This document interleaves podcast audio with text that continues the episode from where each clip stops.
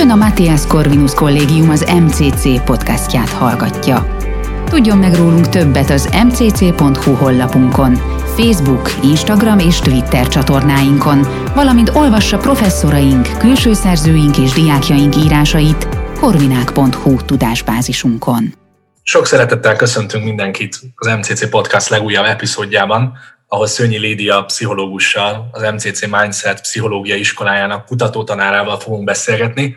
Nagyon köszönjük, hogy elfogadtad a meghívásunkat, és itt vagy velünk, Lédia. Köszönöm szépen a meghívást, én is üdvözlöm mindenkit. És az apropója a beszélgetésünknek az egy nemrég a korvinák.hu megjelent cikked, és illetve az majd szerintem a téma az online társkeresés, illetve annak a veszélyei, egyéb pszichológiai vonatkozásai nagyon sok további kérdéshez is kaput fognak nyitni, de talán kezdjük onnan, hogy én azt gondolom, hogy talán soha ennyi lehetősége nem volt a keresőknek, ha lehet így mondani, párkeresőknek válogatni, vagy ennyi platform még sose állt rendelkezésre, de, de ugyanúgy egy olyan korban élünk, hogy soha ennyi karrier között nem választhattunk, soha ennyi helyre nem utazhattunk, és ha ezeket az ember végignézi, vagy csak így egybe látja, ennek ellenére talán mégis, és ezt talán pszichológusként te még jobban látod, vagy tapasztalod, nem láttunk még ennyire sokszor döntésképtelen, vagy tanástalan generációt. Egyetértesz ezzel? Összefüggenek ezek a dolgok valamennyire szerinted? Igen, ez teljesen így van, ahogy mondod, hogy a, a személyes választási szabadság az nagyon megnőtt, ami egy nagyon örvendetes tény egyrésztről, mert milyen jó, hogy választhatunk több dolog közül, és már nincs kijelölve az az út, nem írják meg nekünk előre, ami járnunk kell. Ugyanakkor van ennek egy veszélye is, hogy nem határtalan az a választás lehetőség, amik, amikkel az, hogy határtalanok ezek a választási lehetőségeink, azok igazából pont, hogy beszűkítik a lehetőségeinket, mert nagyon nehéz őket feldolgozni, nehéz avval szembesülni, hogyha választok valamit, akkor avval kizárok valamit, ami nagyon sokszor egy ilyen döntésképtelenséghez vezet, amit említettél, egy ilyen tehetetlenségérzéshez, hiszen ha bárkivé válhatok, akkor önmagam legjobb verziójává kell váljak, minden csak rajtam múlik, és ez nagyon elbizonytalanít. Egyébként arról mit gondolsz, mert most említetted, hogy az bizonyos szempontból egy pozitív fejlemény, ahogy fogalmaztál, hogy nem írják meg helyettünk a, az életünket, ami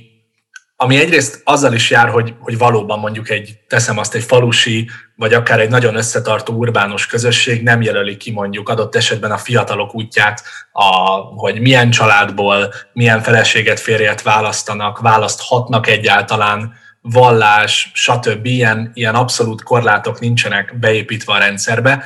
Viszont ez valahogy ezzel úgymond a, kicsit a, a káddal együtt a, a gyerek is ment, hogy viszont gondolom nagyon sokan a véget is tanástalanok, hogy megszűntek pont emiatt azok a tradicionális formái, akár a társkeresésnek, pályaválasztásnak, szociológiai vagy társadalmi betagozódásnak, ami, ami kicsit úgy mederbe tartaná ezt az egészet. Most mintha mindenki arra megy, amerre akar, de úgy magára is lenne hagyva ebben a folyamatban. Igen, ezt, a, ezt az utolsó mondat odat, hogy mintha magára lenne hagyva a folyamatban, ezt hangosítanám ki, mert én tényleg egy pozitív dolognak gondolom azt, hogy van, van választási lehetőségünk, főleg a mai társadalomban, ahol felnövünk, és azért azt nevelik belénk, hogy hogy a, a személyes választás az egy ilyen nagyon fontos dolog, hogy én, hogy én már felé haladok az életben, hogyha ezek a választási lehetőségeim nincsenek meg, akkor az élet csak nem elviselhetetlen lesz számunkra. Ugyanakkor nagyon sok mintát, amiket valóban így kiöntöttünk a kádból, nem, nem jöttek még helyett az újak, vagy inkább úgy fogalmaznék, hogy formálódnak az új minták, és, és hogy sokszor élik meg azt a fiatalok, hogy, hogy most nincs kapaszkodó, mert, mert a régi minták már nem úgy működnek, nem működnek, de közben még, még nem formálódott ki az, hogy akkor hogyan is érdemes élni az életet, mint hogyha a régi forgatókönyvek helyére nem léptek volna új forgatókönyve. Idézel a cikkedben egy egy statisztikát, egy 2016-os statisztikát, Magyarországról beszélünk, hogy az, az ha, ha jól olvastam ki a számok közül, ezek, ezek a konkrét adatok a 20-30 év közötti korosztályban 188 ezer, olyan ember van, aki, aki szingliként, vagy kvázi egyedülállóként él, tehát nem párkapcsolatban, és már a 40-49-es korosztálynál is ez egy 63 ezres szám, és nem csodálkoznék azon, hogyha ez ugye 2016-os, most már lassan 5 éves adatok, hogyha ez azóta csak nőtt volna. És en, en, ezekre az adatokra hoztál be egy pszichológus közgazdát, Dan Ariely, remélem jól ejtem a nevét, elméletét, vagy gondolatát inkább úgy mondanám, aki, aki felismeri, vagy kimondja azt, hogy az egyedülálló piaca az, az eddig is, és az elmúlt évtizedekben pedig végképp, mint piac hatalmassá vált, és erre gyakorlatilag csak rátaláltak azok, akik elkezdték ezeket az online társkereső applikációkat vagy platformokat legyártani. De indítsunk onnan, hogy szerinted mi az, ami nagyon jó ezekben az alkalmazásokban, vagy az online ismerkedésben úgy általában, és miért nagyon jó, hogy úgymond ezt a piacot felfedezték a befektetők, vagy a fejlesztők, vagy, vagy, vagy bármilyen olyan cég, aki ilyen mondjuk applikációt kezdett el gyártani. Igen, én egy, azt gondolom, hogy ezek a ez a piac mindig is létezett, hiszen ez a piac arról szólt, hogy összehozni az embereket, vagy ugye a kapcsolatot megteremteni a pártkeresők között, és akkor lehet, hogy régen a, az, az töltötte be ezt a szerepet, az a, azok a szülők, akik megkeresték a társat a gyermekeiknek, vagy azok a, akár a foglalkozást tűzők, akik párt kerestek, a, azoknak, akik hozzájuk fordultak, és ahogy így a személyes választás egyre népszerűbbé vált, vagy egyre nagyobb igény vált arra, hogy a személyes választásaink alapján köteleződjünk el egy életre, a, így, így egyre kevésbé kaptak ők szerepet, akkor volt egy ilyen időszak, amikor úgy ne, nem is létezett ez, ez a piac. Igazából ugye az emberek a munkahelyen találkoztak, a baráti társaságban a barátok mutatták be őket egymásnak, együtt kirándultak, és szépen lassan, fokozatosan megismerték egymást, de hogy a modern világunkban, mint hogyha egyre kevesebb idő jutna, most itt a Covid-ot nem is nézve, hanem úgy általánosságban ezekre a megismerkedésre növekedésekre, hiszen nagyon sokat dolgozunk, sokszor váltunk munkahelyet, akár egy munkahely miatt átköltözünk az ország egyik végéből a másikba, ugye Amerikában ez talán még igazabb, hogy, hogy ezek a baráti kapcsolatok, azok talán még gyorsabban is váltakoznak, mint régen, így kevesebb lehetőség van, hogy elmélyüljenek a kapcsolatok, és hogy ilyen szempontból az online társkeresők egy ilyen nagyon jó piaci részt találtak meg maguknak, hiszen egy lehetőséget biztosítanak arra, hogy ott egymásra találjanak az emberek. És az egymásra találás szóval fejezted be ezt a válaszodat. De nagyon sokszor éri a, az a talán nem egészen alaptalan vád a Tindert és társait, hogy ez egy szextárs kereső, és hogy alapvetően az online tér az, az mondjuk a, nem tudom, a tinédzser, meg a fiatal felnőtt korosztálynak egy ilyen gyors kifutó pályája, hogy, hogy, hogy úgy fogalmazzak a, a másiknak az ágyába, és kevésbé szól arról, hogy életre szóló kapcsolatok kötessenek az online térben. Ugye mondják ezt azért, mert online ez sokkal az ember gátlástalanabbul tud ezekhez a témákhoz eljutni, stb. És akkor ez inkább ezt a piacot, ha lehet így mondani, fedi le, mint, mint, mint a valós társkeresőket. Ez helytálló így szerinted? Vagy mennyiben az? Hát a kutatások azt mondják, hogy van ez is, meg van az is, ugyanúgy, mint a, a világban. Tehát, hogy amikor e, e, személyesen ismerkedünk, ott is van ilyen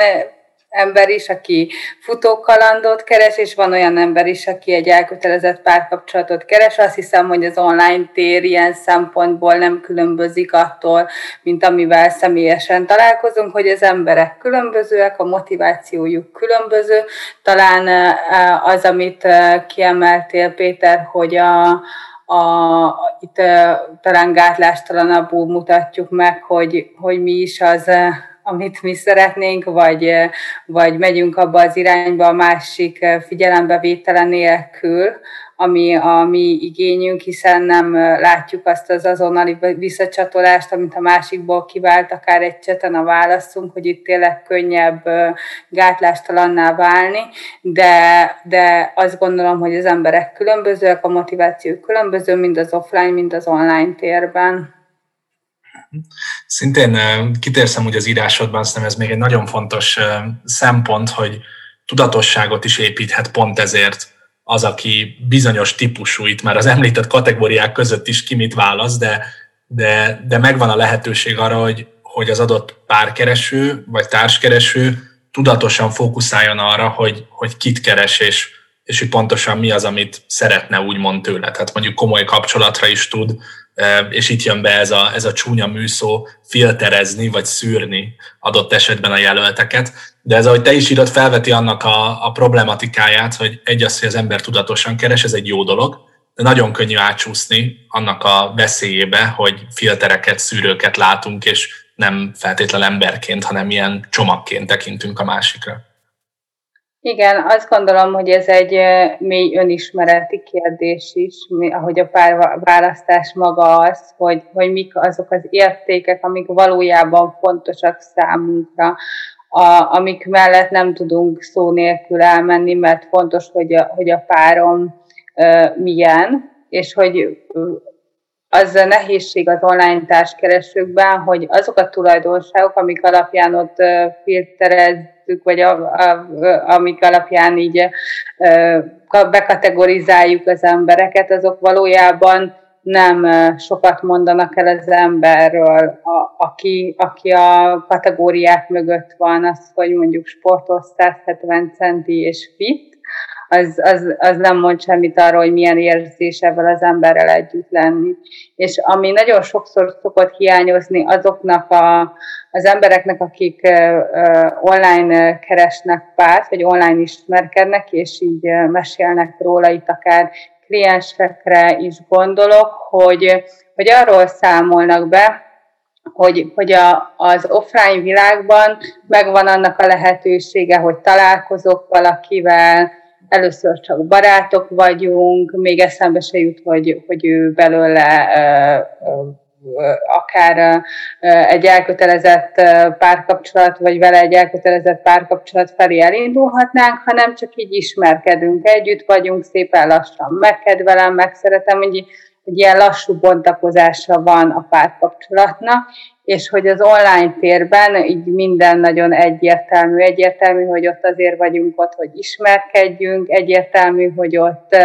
hogy ott milyen irányba szeretnénk terelni a dolgokat, és ez a lassú bontakozás, ez, ez annyira nem tud megtörténni, és ráadásul már a folyamat elején olyan kategóriák alapján választjuk ki azt, hogy kivel indulunk el ezen az ismerkedési folyamaton, amik nem igazán segítenek abban, hogy, hogy valóban szeretnénk el az emberrel mélyebb kapcsolatot kialakítani. Szerintem elhangzott most egy, egy nagyon izgalmas dolog, amit, ha jól értettem, a klienseidet is tolmácsolva, vagy, vagy, vagy beszélgetve ismerősökkel is vontál le különböző, különböző beszélgetésekből, hogy, hogy hiányolják azt, hogy mondjuk élőben az ember felfedezhesse a, a, a másikat, és aztán dönthessen, hogy romantikus kapcsolatba szeretne, vagy abba az irányba szeretne felé, vele haladni, vagy, vagy sem. Ez azért némileg ellentmond annak a korszellemnek, amiben sokan talán, talán élnek, hogy ez az első látásra valakit megszeretni, vagy, vagy adok neki egy, egy lehetőséget, egy találkozót, egy randit, ha nem működik, akkor megyek tovább, hogy akkor mégis az emberekbe jönne vissza ennek az igénye, hogy ez lehet egy folyamat, vagy ez a kettő párhuzamosan van jelen, csak nem feltétlenül egyelő arányokban. Szerintem ez a kettő párhuzamosan van jelen, és nagyon sokszor egy emberen belül is, tehát hogy egy ember is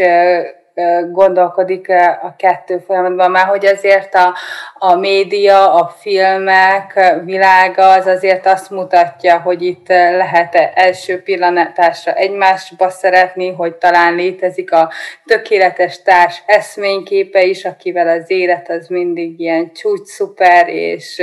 habos vattacukor, és ez a, ez a hiedelem, ami igazából tényleg egy hiedelem, egy ilyen életcsapda szinte, így is fogalmaznám, ebben hinni, mert hogy ilyen nem létezik. A valóságban két ember közötti kapcsolat az, az mindig egy, egy folyamat, aminek lehet, hogy az elején megélünk egy ilyen időszakot, amikor így minden rózsaszín, de hogy, hogy, hogy az, hogy, hogy együtt tudjunk boldogan maradni, az egy komoly, elkötelezett munka. És ez, hogy egy, először találkozok valakivel, ő milyen arcát mutatja, abban nagyon meghatározó az is, hogy neki éppen milyen napja volt. Lehet, hogyha egy hosszabb időt hagyok neki, hogy ő, hogy ő megmutassa így, nem úgy fogalmaznék, hogy az igazi arcát, mert a fáradt arca is az igazi arca, de hogy több szerepében, több lelki állapotában megismerjem, akkor lehet, hogy jobban meg tudom kedvelni, elindul egy romantikus kapcsolat kettőnk között, de hogyha egyetlen egy találkozásból próbálok nagyon mély következtetéseket levonni, az nem biztos, hogy sikerre visz. Ugyanakkor persze van a megérzés is, hogy, hogy azért az ember érzi, hogy ebben az emberrel szeretnék-e mélyebben megismerkedni, vagy nem szeretnék mélyebben. Ugye a kettő között van valahol az igazságnak az útja. Nem tudom, hogy ebből mennyit oszhatsz meg, de ez, ez biztos egy nagyon, nagyon izgalmas minta. Ugye említetted, hogy akár így beszélgetésekben vagy klienseken keresztül is milyen panaszokkal találkoztál a, az online ismerkedés hátoldalát illetően. Tudsz még esetleg egy-két ilyet említeni, ami, amit úgy érzel, hogy visszatérő mintaként jön ilyen emberektől, akiknek esetleg valóban tényleg olyan milyen rossz tapasztalatokat is eredményező időszakai voltak, ami miatt te nagyon határozottan, vagy határozottan tudod azt állítani, hogy, hogy emiatt, vagy, vagy így az online ismerkedést nem jó csinálni. Uh-huh. Ez, erről sokan beszámolnak, hogy az, amilyennek elképzelik a, azt az embert, aki a kategóriák mögött van, vagy ahogy a, a csetelés közben megismerik, és kialakítanak magukban egy képet arról, ami egyre idealizáltabb kép, amíg nem találkoznak, az nem segíti azt, hogy amikor személyesen találkoznak, akkor, akkor valóban a másikat tudják megismerni, mert próbálják rávetíteni azt a képet, amit így, így a csetelés közben kialakítottak róla. És hogy én ezért szoktam azt javasolni, hogy, hogy az online ismerkedés, ez egy nagyon szuper dolog, de hogy érdemes minél hamarabb, minél személyesebbé tenni az ismerkedést, akár így ugye most itt a Covid ezt megnehezíti, tehát hogy mhm. elsősorban arra gondolok, hogy a csetelés helyett akár egy videóbeszélgetés, ahol azért többet megtudunk a, a másikról, vagy, vagy jobban látjuk akár a gesztusait, a mimikáját, a hanghordozását, a hangsúlyáról is tudunk így információkat szerezni, és, és kicsit így jobban megismerni őt. Utána pedig minél hamarabb személyesen, akár ahogyan most lehet biztonsággal természetbe sétálni, és, és, és a személyes ismerkedés felé haladni, mert ugye legtöbben erről szoktak beszámolni, hogy ez egy ilyen nehéz dolog számukra, hogy a, hogy a csetelés, meg egyáltalán csetelés közben kialakuló, elmélyülő személyességérzést is nehéz így becsatornázni a személyes kapcsolatba. Már nagyon sok mindent tudunk egymásról az online térben, és akkor hirtelen találkozunk valóban személyesen, és így hirtelen nehéz mit kezdeni ebben a nagyon mély intimitással, ami igazából közben meg nem tartotta a személyes ismerkedésnél, hogy az online térben elmélyülő intimitást átültetni az offline térbe, az egy kihívás. Egyébként mit javasolnál? Most csak gondolkodtam pár olyan kérdésen, ami akár a, a hallgatóknak konkrétan is segíthet, akik akár ilyen helyzetben vannak, vagy, vagy lesznek, vagy a gyermekeik annyi, annyiféle szituációban, főleg, hogy az MCC aztán mindenféle generációt lefed a hallgatóságot tekintve is. Szerinted mennyi idő az ideális, mondjuk, amíg eltelik egy ilyen online, úgymond találkozó és egy élőbeni találkozó között? vagy mi az a pont, aminél már nem jó, ahogy te is mondtad, hogy itt össze tudnak csúszni a intimitási sávok, az élőbeni, meg a digitális. Mi az, amikor te azt mondanád, hogy mondjuk ennyi nap, hét, hónap után már mindenképpen kell találkozó, vagy ha nem, akkor, akkor viszont lehet, hogy jobb az egészet hagyni, ha valaki nem akar. Azért itt a Covid megmutatta nekünk, hogy, hogy az online térnek is vannak lehetőségei, előnyei is akár, de talán pont a kapcsolataink azok, ahol a, a személyesség az egy annyira fontos dolog, hogy, hogy nehéz kikerülni vagy kiköszöbölni, hiszen senki nem egy ilyen jól felépített netes profillal szeretné leélni az életét, mm. vagy nem avval szeretne romantikus kapcsolatot elkezdeni, hanem egy valódi húsvéremberrel, és a valódi húsvérembert a személyes találkozás során tudjuk. Akár pszichológus szemmel van pár olyan viselkedési minta, vagy, vagy jelenség, akármi, ami, ami szerinted már az, akár az első pillanattól kezdve gyanús lehet, és bárki, aki ilyennel találkozik, az, az, az ne jobb, ha nem ad esélyt a, a másik embernek, aki ilyen viselkedési mintát hordoz, vagy, vagy, vagy egyszerűen olyan jelenségek jelennek meg a beszélgetésben, amik nem természetesek, vagy már akár egészen apró jelekből is látható, hogy ezt inkább ne? Fú, hát erre nem tudok így ilyen konkrét választ mondani. Én azt gondolom, hogy, hogy a, amit már mondtam, hogy a párválasztás az egy mély önismereti kérdés is, és hogy a saját fejlődésünk útján jutunk el oda, hogy az egyedül létet megtapasztalva, abból is egy számos erőforrást és tanulságot levonva saját magunk számára úgy döntünk, hogy, hogy, hogy párkapcsolatban szeretnénk élni. Mikor ezt a döntést meghozzuk, akkor valószínűleg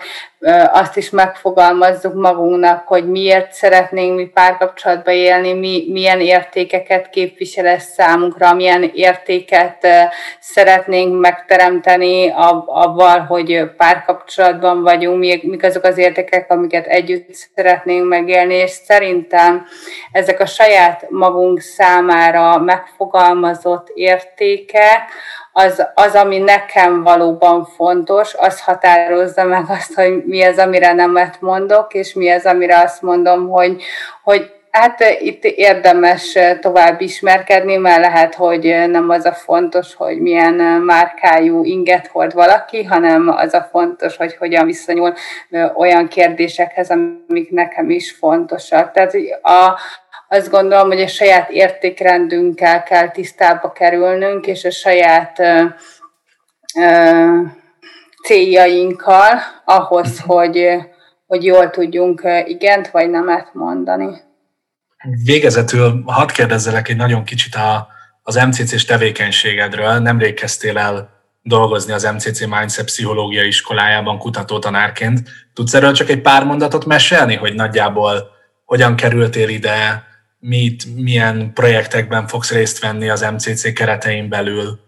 Uh-huh, persze. E, igen, pont egy hónapja dolgozom az MCC-ben, egy hónapja és pár napja, és ami nekem itt eddig a legfontosabb, az MCC-s kapcsolódásban, hogy, hogy olyan emberekkel tudok együtt dolgozni, akikkel nagyon jól tudjuk egymást motiválni, és hogy nagyon tetszik, hogy a hallgatóknak csillog a tekintete, amikor kurzust tartok számukra, uh-huh. és a, a most a kurzusom, amit, amit, amire pszichológus és jogász hallgatók járnak többségében, az a restauratív szemléletmód a büntetéstől a jóvátételig ezt a címet viseli, és ez egyébként ez nekem egy ilyen központi szívügy témám. Uh-huh. Én így a pedagógiai szakszolgálat, iskola és óvoda pszichológia világából jövök, ahol így bullying prevencióval is sokat foglalkoztam, illetve így a, a diákok közötti ilyen alternatív konfliktus rendezéssel, és a restauratív szemléletmód az igazából abban segít, hogy hogyan tudunk olyan közösségeket építeni, és olyan közösségeket létrehozni, ahol egymást támogatjuk, és ahol a konfliktus van, azokat úgy tudjuk megoldani, hogy azok nem, hogy kárt okoznának, hanem a jóvátételen keresztül még építik is a kapcsolatokat. És nekem az, hogy erről itt taníthatok, ez egy nagyon, nagyon fontos dolog. Egyébként a családműhelyben vagyok, ami szintén így a másik szívügy témám, uh-huh. hogy, hogy a, a rendszer szemléletű családterápiának az alapelvei mentén úgy segíteni a családokat, párokat, hogy maguk a családok is olyan közösségek legyenek, ahol jól érezzük magunkat, támogatjuk egymást, és valami olyan irányba haladunk, ami így az egész társadalom szempontjából egy ilyen pozitív irány. Nagyon szépen köszönöm, hogy elfogadtad még egyszer a meghívásunkat, és hogy beszélgethettünk hát rengeteg témára, és reméljük, hogy lesz még lehetőségünk ezt folytatni is. Úgyhogy köszönjük szépen Szőnyű Lídiának, hogy eljöttél. Én is köszönöm a meghívást. Köszönjük, hogy meghallgatta ezt az MCC Podcast epizódot. További híreinket és tartalmainkat megtalálhatja az mcc.hu honlapon, valamint Facebook, Instagram és Twitter csatornáinkon. Professzoraink, külső szerzőink és diákjaink írásaiért keresse fel korvinák.hu tudásbázisunkat.